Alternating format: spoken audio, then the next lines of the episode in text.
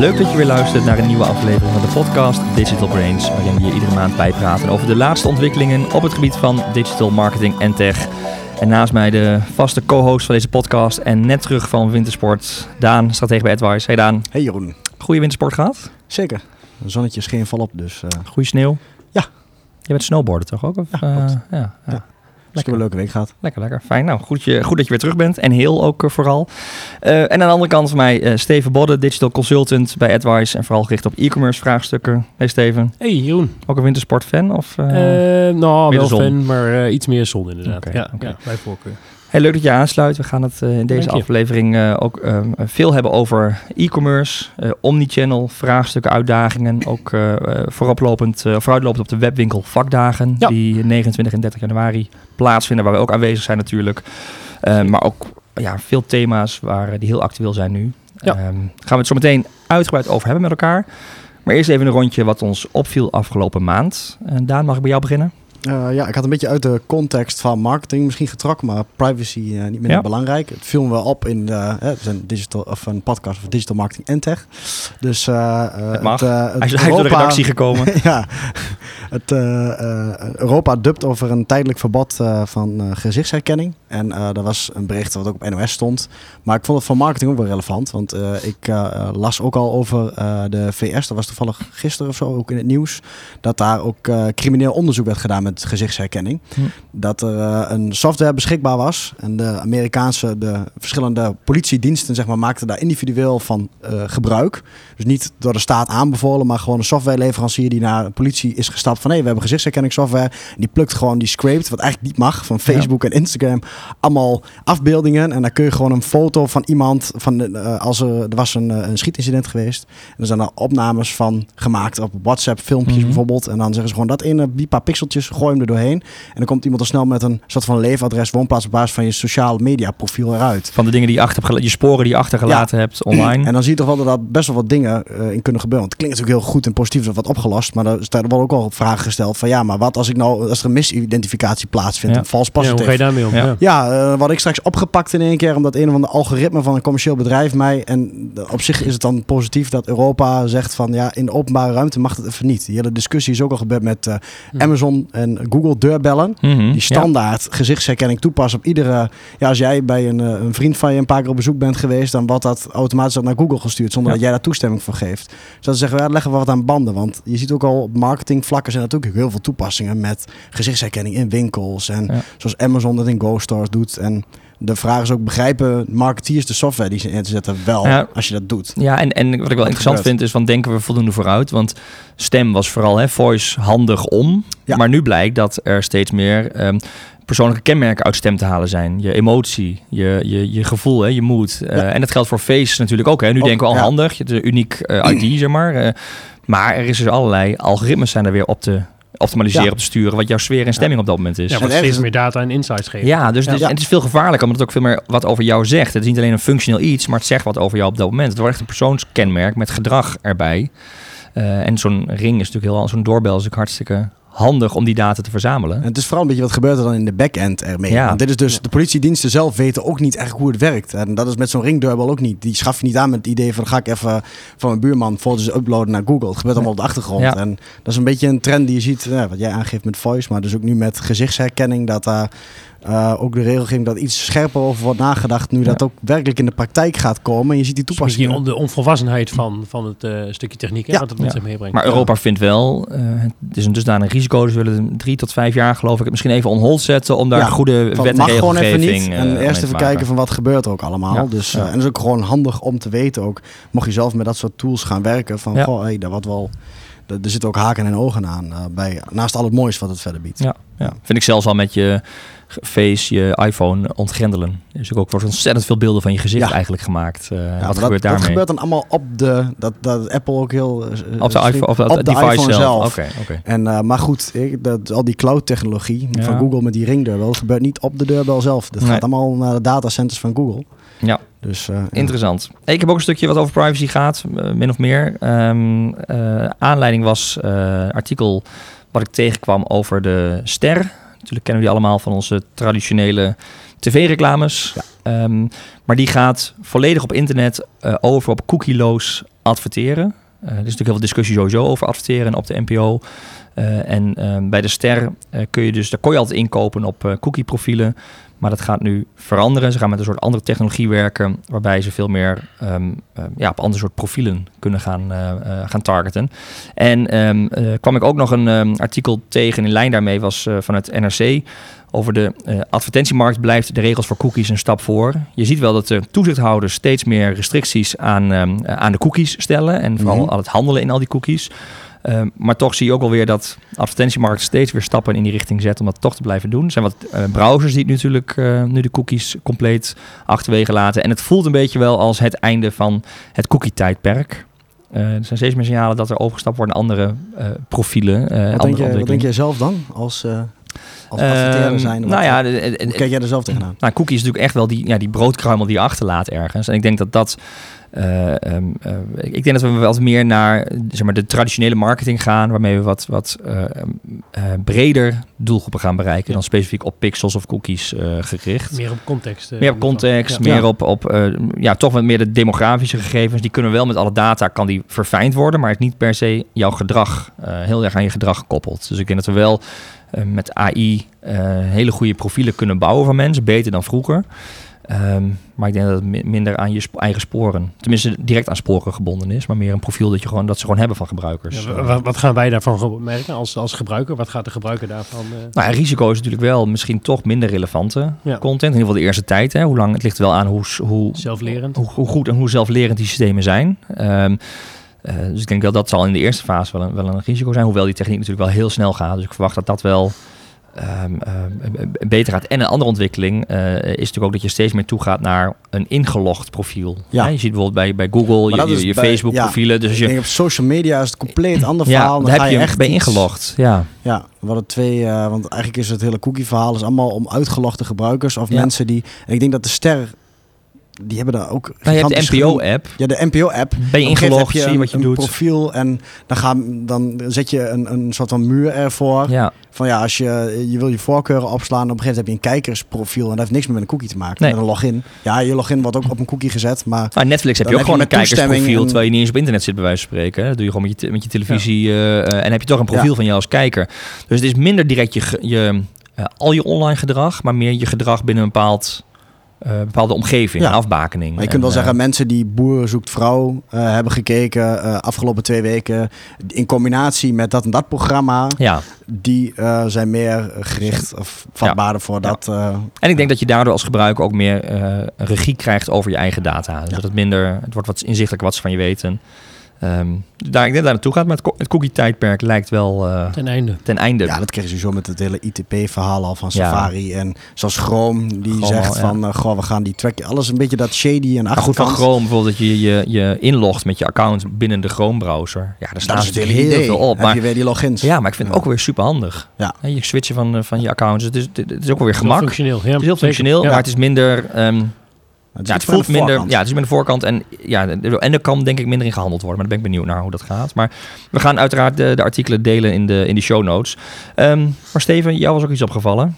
Ja, ik kwam uh, op Twitter een, uh, een interview tegen met, uh, met Mark Rutte, onze minister-president. die werd geïnterviewd door Nieuwsuur. En er werd een vraag gesteld wat de houdbaarheid was van, van persconferenties. op de traditionele manier zoals ze dat op dit moment doen. Mm en of dat niet werd achterhaald door social media. Omdat heel veel collega's van hem ook echt dat als spreekbuis gebruiken. En hun stem en mening geven via social media kanalen. En daar deed onze minister-president best wel een opmerkelijke uitspraak. Hij gaf eigenlijk aan dat hij niet heel erg geloofde in sociale media had zelfs al de indruk dat het uh, een dalende lijn was ingezet. En vond het ook niet meer nodig om daar nu nog op in te spelen. Hij zegt, ik geloof niet in dat sociale media het gaan redden. Ik geloof heel erg in um, ja, zenders als, als NOS, zeg maar. Kanalen, mm -hmm. talkshows die s'avonds worden gegeven. Dat is vooral het podium waar wij als politica onze stem kunnen laten horen. En sociale media is daar niet het geschikte kanaal voor. En ja, op zich vind ik dat wel opvallend dat ons minister-president dat... Um, eh, dat zegt. Eh, Want uiteindelijk is hij wel degene die eh, ja, daar... Die het land bestuurt. Een visionair man is het toch, die, hè? die, die het Ja. land bestuurt. En Ja. als je dan kijkt naar, eh, naar de cijfers, eh, ja, dan zie je dat, dat, dat de groei in, in sociale media op alle vlakken nog, nog stijgt en toeneemt. En, en dat ook voor politici social media niet meer weg te denken is. Het gebruik van Twitter, het gebruik van Instagram, maar ook de, de sociale kracht van, eh, van een, een platform als NOS. Ja. Dus dat vond ik wel een opvallende uitspraak die hij daarin toch, deed. toch denk ik wel, ik denk dat niet dat de hype voorbij is, maar ik denk wel dat Rutte ergens op zich goed aanvoelt dat als je niet in het NOS-journaal zit op tv, dat de impact van wat je dan wil verzenden, zeg maar, als wat je dan wil vertellen, minder groot is nog op social. Het is natuurlijk wel heel erg versnipperd, Het is, snackable. heel, het is heel erg versnipperd. Het Ja. is heel- het- het- en de impact als je aan een, aan een, aan een talkshow-tafel zit, is, is over het algemeen, waarschijnlijk voor het publiek dat zij willen bereiken, voor jongeren even, eh, waarschijnlijk niet, maar voor het publiek dat zij willen bereiken, eh, eh, wel nog steeds groot. Net als interviews in de krant. Ik denk dat die Ja, politici best wel... weer op social. Ja. Want als er iets zinnigs wordt gezegd, dan gaat iets in een talkshow, wat vervolgens het bereik keer Ja. acht. Ja, de social relevantie is natuurlijk voor, voor een, talkshow, dat gaat een uur, een anderhalf uur lang. En wat is de relevantie? Op social media haal ik eigenlijk via Twitter de belangrijkste highlights eruit. Ja. Dat zijn vaak shots van, van twee, drie minuten die voor mij dan relevant zijn. En dat lees ik of dat, Ja. dat bekijk ik. En ja, daarmee is het een sterke aanvulling. Ik ben het met je eens dat het versnipperd is. Ehm, maar het is ook wel eh, voor een hele specifieke doelgroep. En ik denk juist de doelgroep die eh, interessant is voor de politiek en vice versa. Ja, die zit toch echt nog wel op sociale media. toekomst kanalen. met name. Ja. Ik denk de huidige doel voor politiek is heel erg traditioneel. Ja. Maar ze zouden moeten verbreden. En Rutte is daar in ieder geval niet van overtuigd. Maar denk je, Eh, is het een incidenteel, een soort versprekingje, dat hij zei, ah, zo bedoelde ik het niet? Nee, hij was daar stellig in. Nee, hij Ja? was daar echt stellig in. Ja, de social media terwijl was op- VVD best wel ver is op social. eh, Ja, en hij Klaas zelf ook. Eh, zat, die hebben, ze- de VVD heeft een TikTok-account. ja, ja. Maar hij doet ook heel veel die Q&A's met Facebook eh, vanuit een kroeg en zo. Dus als VVD vind ik dat ze... eh, Misschien zag hij Klaas Dijkhoff wel zo'n TikTok-filmpje opnemen, dat hij dacht, dit kan... Dit moet niet willen. Dit, dit gaat helemaal de verkeerde kant op. Ik zeg dat het op zijn retour is, dan... media, eh, ik dan ik neem- zorg zelf dat social media zo ver ja, gehaald, neemt kan het wel af. Ja. Nee, maar dat vond ik wel een opvallende Interessant, uitspraak ja. in, eh, Ja. in Nieuwsuur. Dat ik dacht van ja, dat is niet helemaal eh, eh, dat gevoel wat ik erbij heb. Maar, eh, en het bereikte jou, dat bericht, via social. Ja, ik kwam het via Twitter tegen. Ja, ja, ja. grappig. dus zo Ja, zie je maar zo zie weer je maar eh, weer. beïnvloeding via de social media. Nou, mooi. Ben benieuwd naar het fragment? Ook dat gaan we in de show notes eh, vermelden. Dus dan kun je het fragment waarin Mark Rutte zijn visie geeft op social media eh, eh, nog een keer terugkijken. hey, we moeten naar ehm, eh, e-commerce. Er gebeurt veel. Hè? Wat langere en op, kor- op korte termijn, maar ook al wat langer. Wat trends. Ehm, om heel even naar de korte termijn te kijken. Een aantal updates die goed zijn om hier ook even te delen. Die ehm, eh, nou ja, dat vak, of eigenlijk ons vak, het vak van ons allemaal best wel kunnen gaan veranderen. Eh, Daan, jij weet het al eh, van een aantal podcast afleveringen. Ja, we ja, ik, met pijn in mijn hart staat hij wel iedere keer op het lijstje. We kunnen niet omheen, maar Amazon. Ik heb natuurlijk gezegd, Amazon komt niet naar Nederland. Maar Amazon.nl is nu officieel aangekondigd. Ze zijn nog steeds niet, jongens. Dus hè, ho. Hij zit in, hij zit, langzaam komt al, hij in de acceptatiefase, geloof ik. Ja, zijn er maar de- discussie gaan we niet Ontkenningsfase opnieuw, gaan we niet opnieuw, opnieuw voeren. Maar ligt lachend al ik, onder ehm, tafel. ik, eh, ik, ik, ik kom er nog een keer op terug. Hè? Wie het laatst lacht, lacht eh, het langst of zo. Wat is het dan? Ja. Eh, ehm, eh, maar goed, ze komen eraan, officieel aangekondigd. Eh, partners kunnen zich inmiddels gaan eh, registreren eh, via services.amazon.nl. De datum voor de lancering is nog niet bekend, maar er wordt gezegd eind februari. Ja, de marketplace is geopend en ik zag hier intern ook al de, de rates eh, voor Ja. fulfillment bij Amazon. eh, Ja, die de worden tarieven gedeeld, eh, scherp. zijn al bekend. Zijn een stuk lager dan die van bol.com. Eh, dus dat wordt een uitdaging voor, eh, voor andere marketplaces, voor andere platformen. Oké. Eh, we hebben ook, ehm, ja, ook al best wel wat, eh, wat aanvragen gekregen van mensen die, eh, die hier nu op, eh, op in willen haken, zeg maar. Je merkt ook wel dat, ehm, ja, dat het nu echt begint te leven. Waar, Ja. waar jij de tendens had van het, het duurt nog een tijdje voordat ze komen, zeg maar. merk je met deze persbericht ook wel dat mensen ook echt wel zeggen van ja, nu moeten we ook aanhaken. Want, Ja. Ja, maar ik, ik blijf erbij dat ik geloof wel dat je als bedrijf moet je natuurlijk aanhaken op zijn ontwikkeling. Maar ik vraag me nog steeds af wat de toegevoegde waarde is voor de consument. Nou, dat zou tarieven kunnen zijn, dat zou een abonnementsmodel kunnen zijn om marktendeel te krijgen. Maar goed, dat is een, discussie die we vaker gevoerd hebben. Daarvoor moet je oude afleveringen terugluisteren. Eh, maar dit is wel concreet, ze, ze, ze gaan komen. Eh Steven, jij, jij, jij, jij observeert die markt natuurlijk ook vanuit jouw rol en, jouw, en het vak. Zie je paniek? Of Nou, ik zie nog niet, nog niet een, een, een directe paniek. Uh, wat je vooral ziet is dat mensen um, ja, afgaan op de persberichten die, die verschijnen. Dus dat mensen zeggen, wij willen hier graag onderdeel van zijn. Maar de impact daarvan, die is, die is, die is vrijwel nog onbekend. Hè. Wat, ja. wat gaat het doen? Het is nog niet voldoende concreet. Ze hebben nu wel categorieën genoemd, maar zeg ja, niet wanneer twee, precies. Een productcategorieën benoemd. Uh, daar kun je je nu ook op aanmelden. Dus mensen halen daar ook wel wat informatie uit.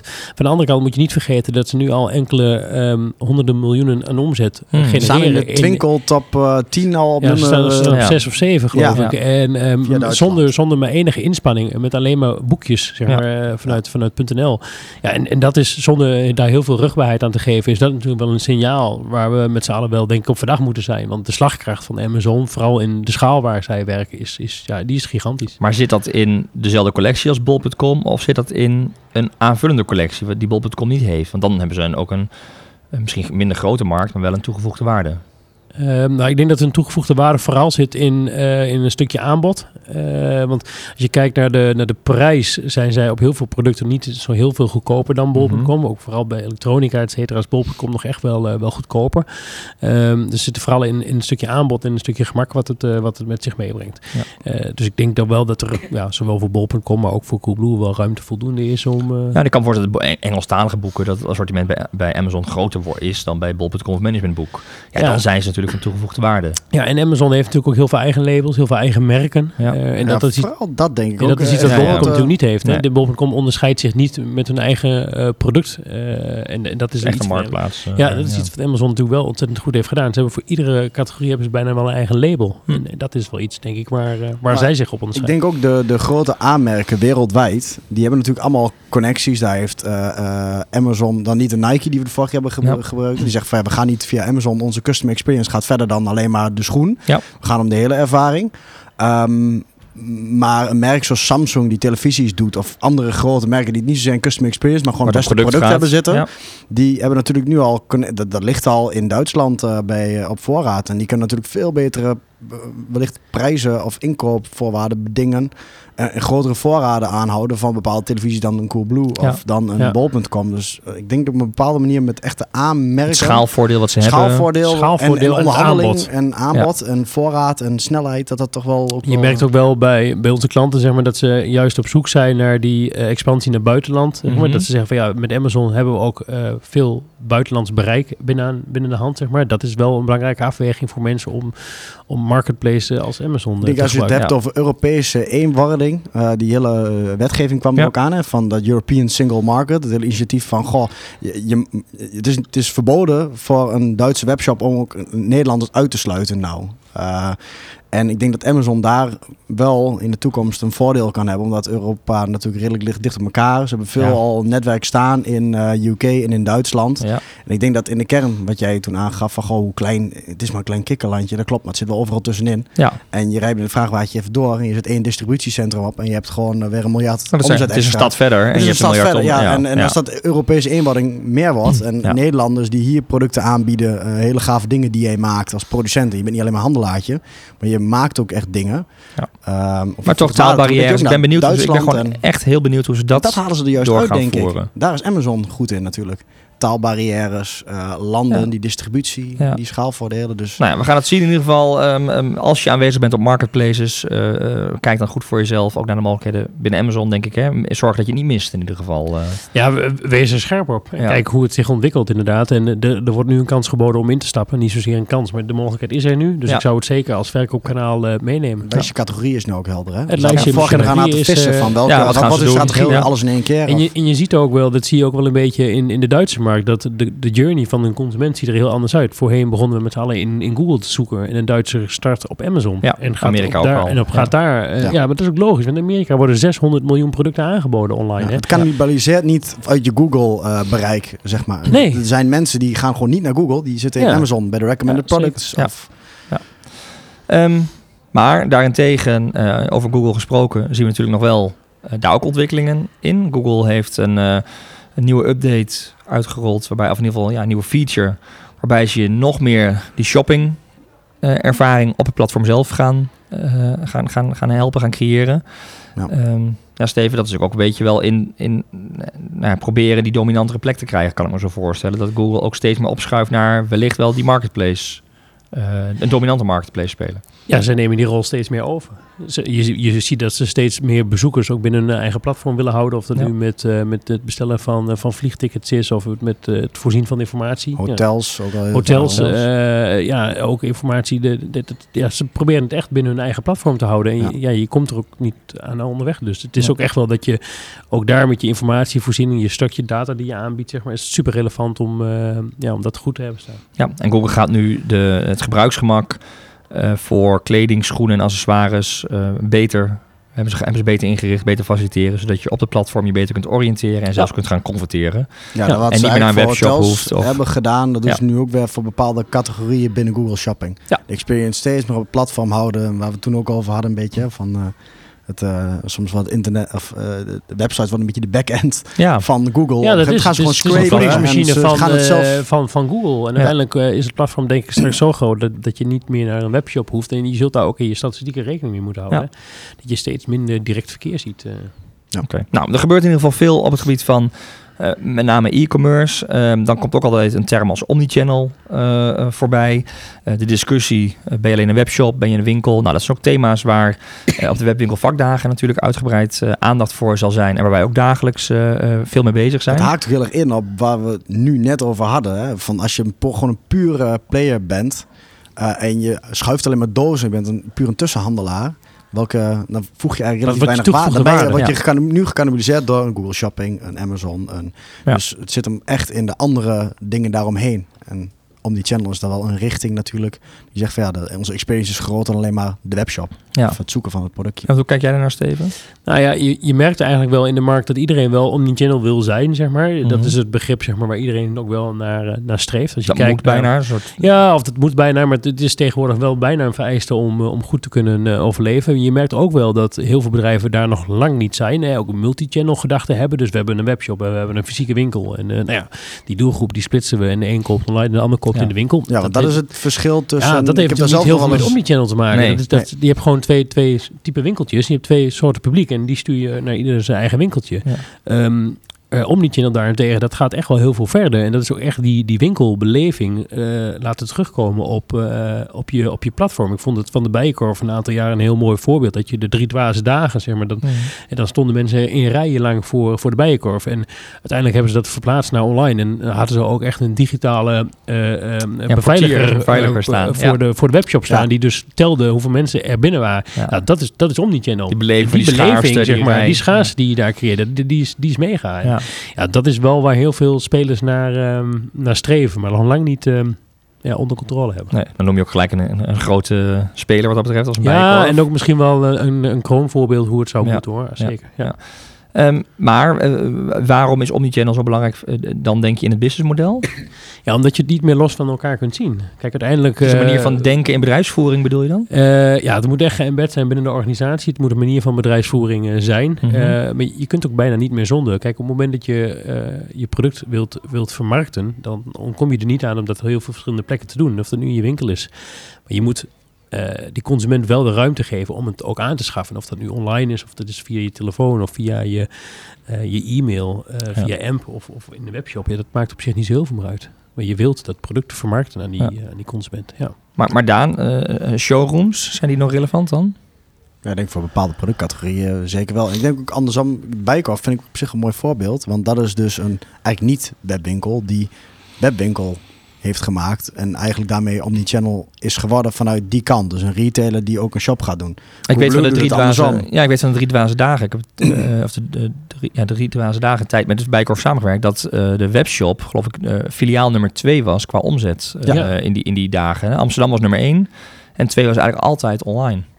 Ja. Nee, dus ik, ik vind die, die richting wel... eh, eh, eh, dat vind ik een mooi onderscheid, die twee dingen. En ik denk ook wat, wat jij net zei, Steven, van embedden in je organisatie.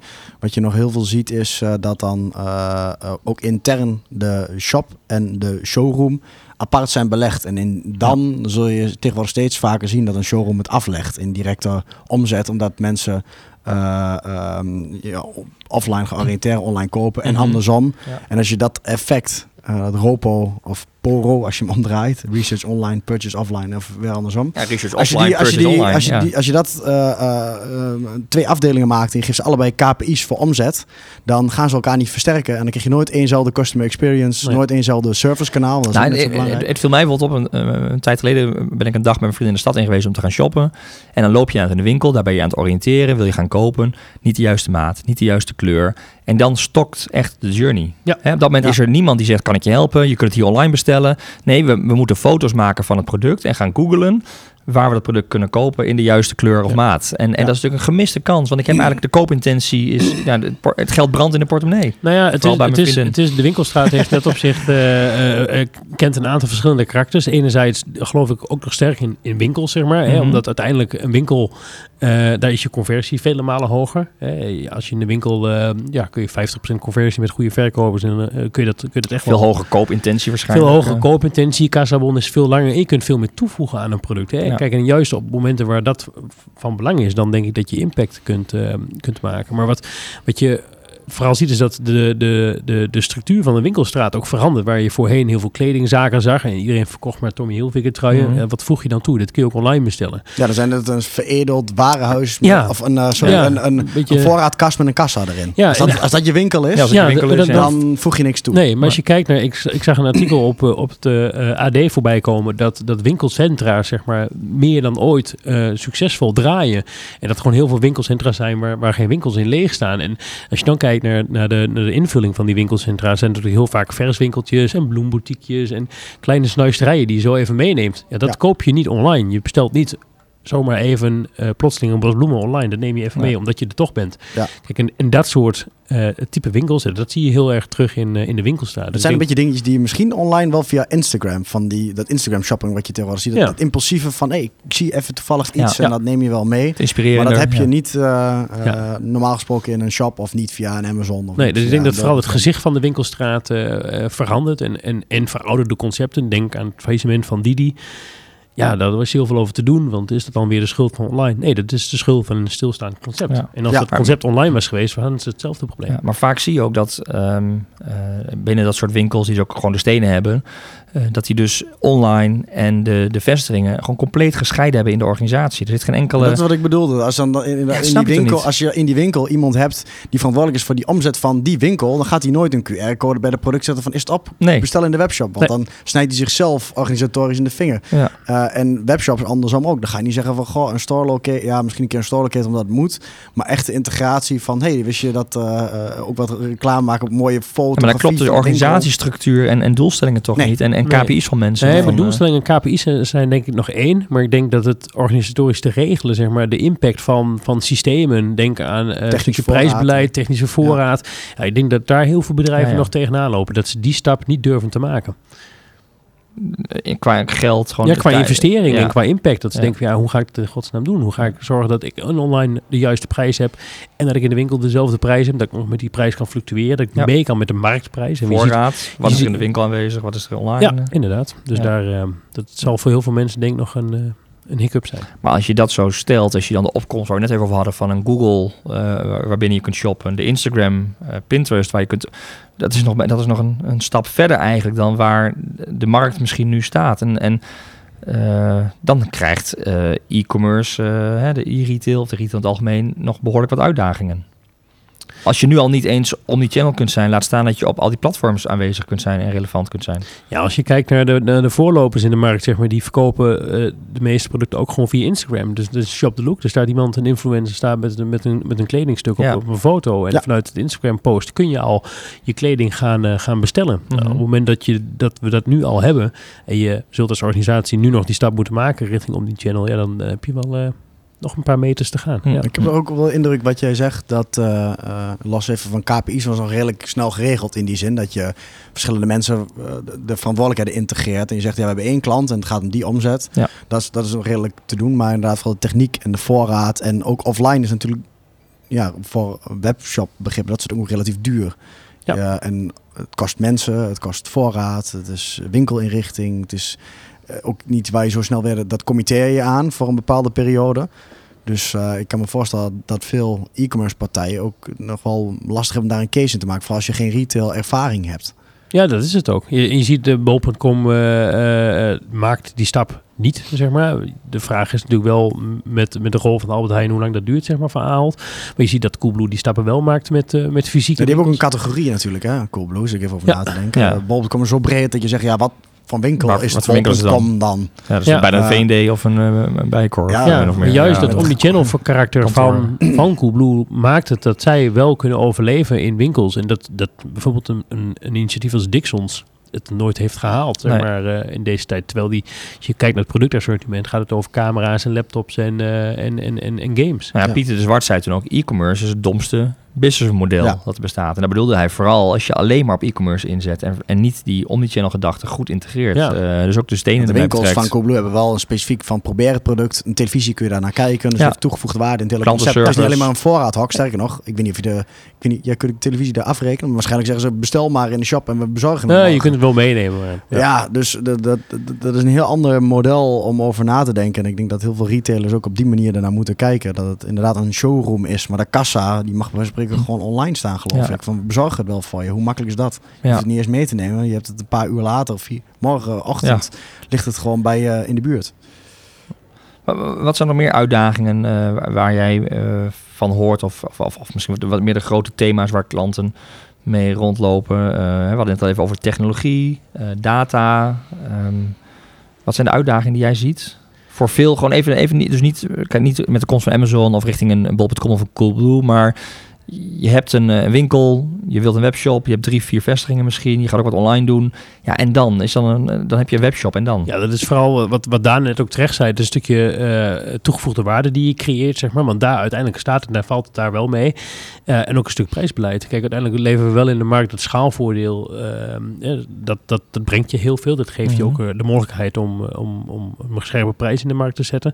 Maar anderzijds moet je ook goed nadenken over wat je toegevoegde waarde wordt. En vooral daarin ehm, ja, zit denk ik het verdienmodel, maar ook de lange termijn winst die je gaat halen op, eh, op, een, op een shop. Hè. Maar Dus- toegevoegde waarde heb je het echt over positionering, eigenlijk een brand ontwikkelen. ja, Of- een brand ontwikkelen, maar ook een, een stukje toegevoegde waarde aan een, aan een product. Op het moment dat jij mensen ook een online beleving kunt, kunt meegeven, zeg maar zoals Rituals dat bijvoorbeeld heel goed doet. Hè. Die Mhm. openen ook heel veel winkels. En waarom doen ze dat? Omdat ze echt een beleving meegeven Ja. aan het product. Ja. Ik bedoel, wie had toch gedacht dat je zoveel geld kon verdienen met zeep en Ja. foam? Ja, maar die zit ook meer breder in de, eh, de- Ik denk dat de concepten die het echt nog gaan redden, of daar die ruimte voor hebben, die zitten ook, eh, die integreren meer van de keten. Ja. Ehm, als in eh, Rituals bouwt ook een eigen merk. die verpakt het op een bepaalde manier. Ik weet niet Ja. of de zeep echt uniek is. vast, Geen idee. vast. Ja, er zit wel Maar een mooi verhaal achter. Er zit wel een mooi verhaal achter. Zoals het zal een leuk verhaal zitten, maar ja. ze, hebben, ze, ze kopen niet ergens al merkzeep in. En dat zou nooit de financiële ruimte geven om Nee, een showroom neer te kunnen zetten. Je moet echt ook, eh, die waardetoevoeging zit niet alleen in de presentatie, maar ook heel erg denk ik in Ja, een stukje stu- creatie, stukje of creatie, bewerking beleving van en, het eh, product zelf. Ja, ja, en het merk, wat, wat Jeroen ook terecht zegt, het merk dat je echt moet gaan bouwen, zeg Ja. maar. Ja. En als we kijken naar Rituals, we hebben het er nu over, maar het is natuurlijk ook al een partij die al, al enkele tientallen jaren bestaat. Maar wij, daar hadden wij nog nooit van gehoord. En ja. Ja. de laatste vijf, zes, zeven jaar is het echt opkoming en zie je het bij iedereen terug. Dus, Ja. Nou, ze hebben natuurlijk ook daarin een slimme strategie. Hè? Aansluiten op plekken waar je doelgroep is. Heel veel bij de Bijkorf Ja. bijvoorbeeld.